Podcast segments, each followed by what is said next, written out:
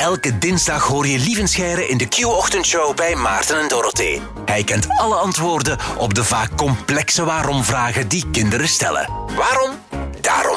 Kinderen stellen in een bepaalde fase van hun leven 100 waarom-vragen op een dag. Ik heb thuis ook zo'n exemplaar rondlopen. Leon van Quali, vier jaar, maar ik ben niet alleen. Veel ouders kennen die fase, dus roepen wij elke dinsdag de hulp in van de man die alle antwoorden in zich draagt. Lieven Scheire, goedemorgen. Een goedemorgen. Hallo. De paasvakantie staat voor de deur, nog een paar dagen en het is zover. En we weten, lieve, jij hebt altijd van die vaste tradities. Bijna elke vakantie is gevuld met een of ander ja, familiefeest of een familiereis of met de vrienden naar de Ardennen. Vriendenreisjes, ja. Ehm, de paasvakantie is daar een beetje een uitzondering op. Oh, Ja, we hebben geen jarenlange tradities in de, in de paasvakantie. Allee. het zijn dus eigenlijk de enige weken dat je echt vrij bent. ja, misschien moet ik kiezen dan wat je wil. dringend eens iets voor, eh, iets voor verzinnen. Eh, we gaan jou deze week uitlenen aan eh, mama Lindsay. Die heeft ons deze vraag doorgestuurd van haar zoontje Sam. Waarom zijn mijn kleine zusje haar handen zo verfrommeld na het bad? Ja. Iedereen kent dat wel, hè? zo verfrommelde handen na een lang bad. Het is echt een, een klassieker bij de kindervragen. En niet alleen bij de kindervragen.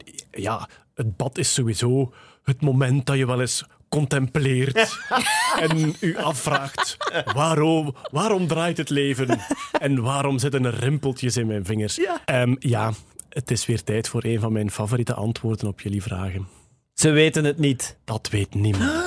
Dum, dum, dum. Maar er valt wel veel over te zeggen, Ah want ja, er is wel is al goed. onderzoek naar gedaan. Ehm, we gaan eens denken als een wetenschapper. Oh, Dus heel lang werd gedacht, dat is gewoon toeval. U, uw huid wordt vochtig en daardoor, zoals nat papier een beetje rimpelt. Het is gewoon toevallig. Ja. Natte huid rimpelt, no big deal.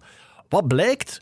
Het is niet toevallig. Namelijk, het is een beslissing van ons lichaam om onze vingers te doen rimpelen. Dus het is niet zo dat het water dat veroorzaakt. Het water komt in onze vingers. Ons zenuwstelsel merkt, oei, dat is hier een beetje nat. Weet je wat? Ik ga die vingers eens doen rimpelen. Wat merken we? Mensen met zenuwschade, bepaalde zenuwschade in de vingertoppen, hun vingers rimpelen niet. Ma. Die huid wordt wel nat, maar dat zenuwstelsel is beschadigd. Dus dat kan niet beslissen van oei, we gaan die rimpels hier aanzetten. Dus er gebeurt helemaal niets. Er zijn ook mensen met het omgekeerde, met een bepaalde aandoening, waardoor ze altijd gerimpelde vingers hebben. Dus wat gebeurt er als je eh, in het water zit of als je, als, je, als je handen lang vocht voelen? Dan gaat het zenuwstelsel beslissen om de bloedvaten te doen krimpen in uw vingertippen. Daardoor wordt uw vinger een piepklein beetje kleiner en is er vel over. Een beetje zoals een, een druif. Hè. Als Ja. een druif aan het uitdrogen is, begint hij zo te rimpelen. Het is hetzelfde systeem. Dus eigenlijk, uw vingertoppen worden een beetje kleiner en uw vel begint daardoor te rimpelen. En dan zou je kunnen zeggen, misschien is het dan toch toeval. Als zijnde, onze vinger wil een beetje kleiner worden, die bloedvaten moeten vernauwen. Waarom zou je dat willen doen? om uw temperatuur op peil te houden. hè. Als, als bloedvaten wijd openstaan, geven ze heel veel warmte af. En je zou kunnen zeggen, ja, in het water verlies je te veel warmte. Die bloedvaten gaan krimpen om meer warmte bij te houden en daardoor rimpelt die huid.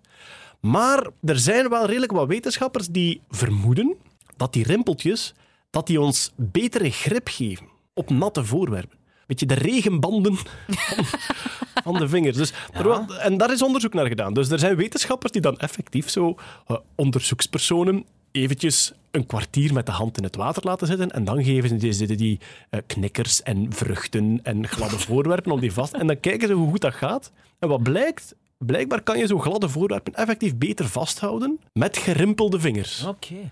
Dat is een hypothese en daarom zei ik in het begin, we gaan eens denken als een wetenschapper. Ja. De hypothese is, misschien in de evolutie was het gewoon handig dat als het regende of het was heel nat, dat je als primaat of als aapmens gerimpelde vingers kreeg en dat je dan, als je een appel plukte bijvoorbeeld, dat je die beter kon vasthouden. Ja, ja, ja. Wat zou de volgende stap kunnen zijn in dat onderzoek? Is gaan kijken bij onze collega-apen.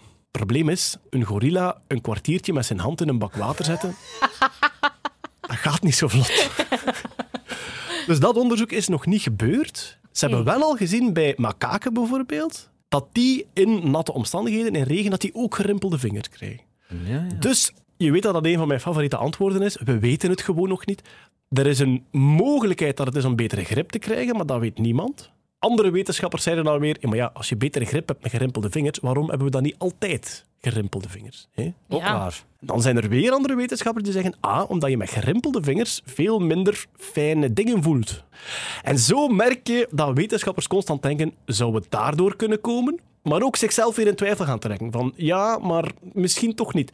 En dan is de bedoeling dat je onderzoek doet, zoals die professor die dus ja, met natte handen dingen liet vastpakken, om te kunnen zien wat er nu waar is of niet. Dus, Waarom zijn mijn kleine zusje haar handen zo verfrommeld na het bad? Dat weten we niet, maar er is wel al heel boeiend onderzoek naar gebeurd en we worden er steeds slimmer van. En ik denk dat ook heel veel mensen die vandaag in bad gaan, ook zoiets een druif gaan vasthouden. En zo een bus de Ja. om te zien of ze het dan beter kunnen vasthouden. Merci, lieve Scheire. Fijne paasvakantie. We zijn benieuwd wat jouw nieuwe paasvakantietraditie dan wordt. Tot de volgende. Dit was Waarom Daarom. Luister ook naar de andere afleveringen van deze podcast. Maarten en Dorothee hoor je elke ochtend van 6 tot 10 bij Q-Music.